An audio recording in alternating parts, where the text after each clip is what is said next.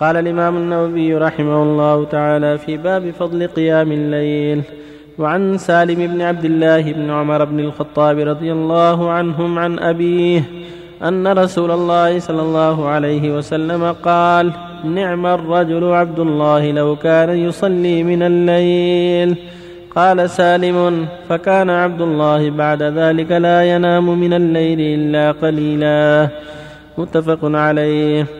وعن عبد الله بن عمرو بن العاص رضي الله عنهما قال قال رسول الله صلى الله عليه وسلم يا عبد الله لا تكن مثل فلان كان يقوم الليل فترك قيام الليل. متفق عليه.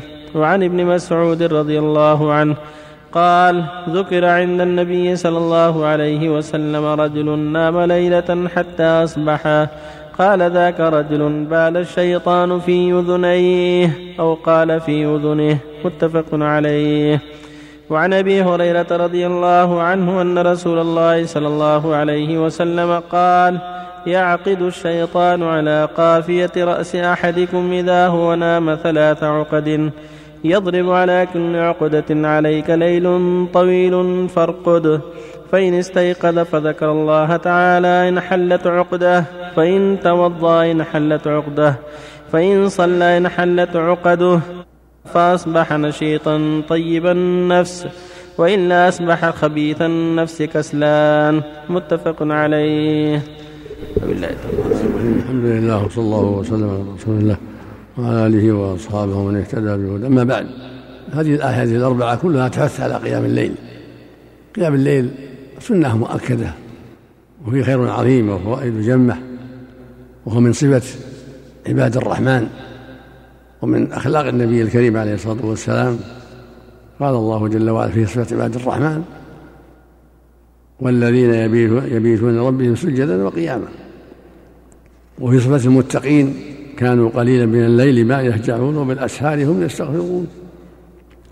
ويقول جل وعلا يا أيها المزمل قم الليل المزمل النبي محمد صلى الله عليه وسلم قم الليل إلا قليلا نصفه أو انقص منه قليلا أو زد عليه ورتل القرآن ترتيلا في آخره يقول إن ربك يعلم, أنك تقوم أدنى من ثلث الليل من ثلثي الليل ونصفه وثلثه وطائفة من الذين معك.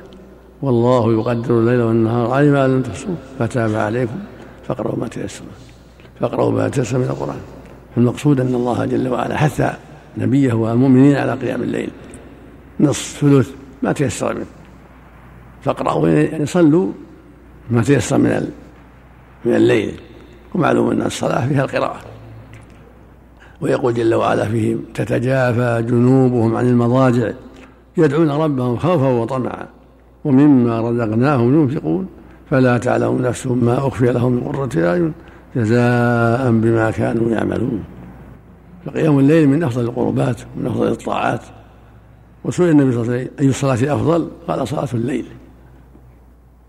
لما فيها من تواطؤ القلب واللسان والإقبال على الصلاة وخشوع القلب وانقطاع شواغل مشاغل الدنيا لأن مشاغلها في النهار أغلب. وفي هذه الأحاديث الأربعة حتما على ذلك. الحديث الأول حديث عبد الله بن عمر رضي الله عنه يقول النبي صلى الله عليه وسلم نعم الرجل عبد الله لو كان يصلي من الليل. فلما سمع عبد الله هذا الكلام صار يتهجد من الليل. حرصا على هذه الخصلة العظيمة. وقال لعبد الله بن عمرو بن عاص رضي الله عنهما لا يا عبد الله لا تكن مثل فلان. كان يقوم من الليل فترك قيام الليل. ابن عمر قال نعم الرجل عبد الله لو كان يقوم من يصلي من الليل. عبد الله بن عمرو قال لا تكن مثل فلان. كان يقوم الليل فترك قيام الليل. كان عبد الله بن عمرو يسهر الليل تعبدا فنهاه النبي صلى الله عليه وسلم قال إن لنفسك عليك حقا ولأهلك عليك حقا ولضيفك عليك حقا ولزوجك عليك حقا فأعط كل ذي حق حقه. قم ونام أمره يقوم بعض الشيء وينام بعض الشيء لا يسهر ولما مر جماعة على بيوت النبي صلى الله عليه وسلم عن عمله سألوا أزواجنا عن عمل النبي في السر كأنهم تقالوه فقال أحدهم أما أنا فأصلي ولا أنام قال الآخر أما أنا فأصوم ولا أفطر. وقال الآخر أما أنا فلا أتزوج النساء. قال الآخر أما أنا فلا أنام على فراش. الآخر يقول لا أكل اللحم. فقال النبي صلى الله عليه وسلم لكني أصلي خطب الناس.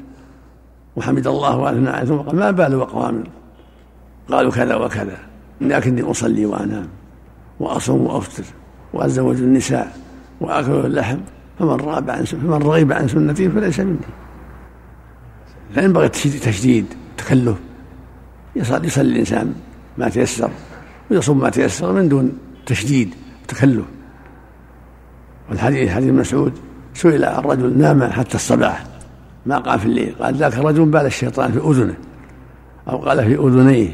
هذا فيه أن الشيطان قد يكسله عن قيام الليل بالبول في أذنه أو أذنيه. وهذا يشجع على قيام الليل. يدل على فضله. فالمؤمن يقوم ما تيسر. صلي ثلاث صلي خمس صلي سبع صلي ما تيسر. يسلم من كل اثنتين ويتم بواحده في أوله في وسطه في آخره حسب التيسير. وآخره أفضل. إذا تيسر آخر الليل فهو أفضل. لقوله صلى الله عليه وسلم ينزل ربنا. النزول يليق بجلاله. ينزل ربنا إلى سماء الدنيا. كل ليلة. حين يبقى ثلث الليل الآخر. فيقول من يدعوني فأستجيب له. من يسألني فأعطيه. من يستغفرني فأغفر له. حتى ينفجر الفجر. هذا نزول يليق بالله لا يشابه خلقه نزول لا يعلم كيفيته إلا هو سبحانه وتعالى. يليق بجلاله. لا يشابه خلقه في نزوله ولا في استوائه ولا في سائر صفاته سبحانه وتعالى. لكن يدلنا على أن هذا الوقت وقت عظيم. استجاب فيه الدعاء تطلب فيه التوبة. فإذا تيسر للمؤمن أن يكون له نصيب من ثلث الليل فهو خير عظيم. في الحديث الرابع يقول صلى الله عليه وسلم إن الشيطان يعقد على قافه الإنسان ثلاث عقد.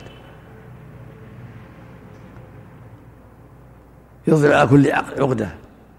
يقول نم فإن عليك ليلا طويلا. يعني يشجع على النوم حتى يفوته قيام الليل. فإذا قام وتوضأ فإذا قام وذكر الله انحلت عقدة.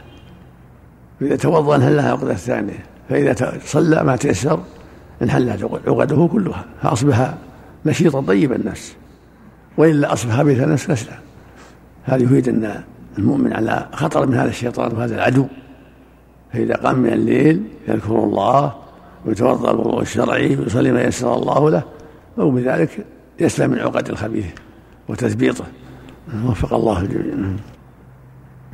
صلى الله إليك قول الرسول صلى الله عليه وسلم نعم الرجل عبد الله لو كان يقوم من الليل ألا يدل على أن القيام شرط في العدالة؟ لا مو شرط. لا بس مدح. يمدح. يمدح مزيد مدح يعني. ولا هو تطوع نافلة. ليس بفريضة. لكن يدل على أهل الليل يمدحون بهذا يثنى عليهم كما أثنى الله عليهم. في هذا الأسلوب فيه حث وتحريض.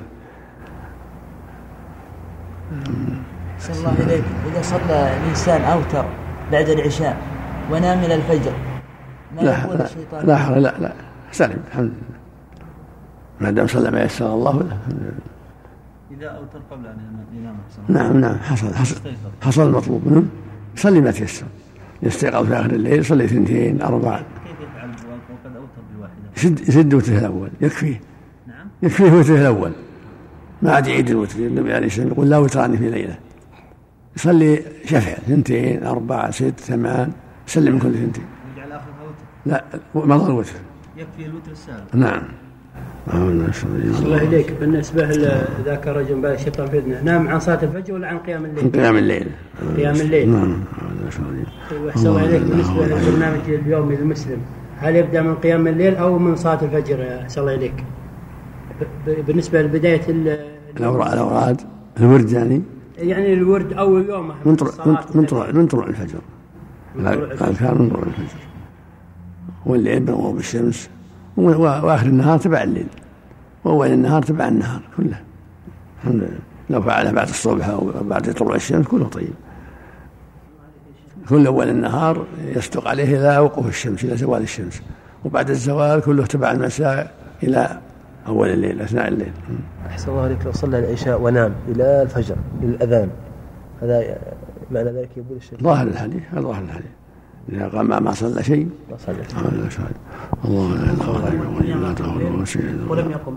نعم؟ لو نوى القيام آخر الليل ولم يقم. هل ينطبق عليه أن الشيطان بلغ؟ الله أعلم الله أعلم. قد يكون إذا كان عازم ولكن غلب قد قد يسلم. بسبب نيته الطيبة. غلب غلبه النوم. لكن ينبغي المؤمن يكون له نية وعناية يبكر أو يركز الساعة يتخذ الأسباب. مو بيقول بيقوم وهو يسهر ولا يركز الساعة. هذا مفرط.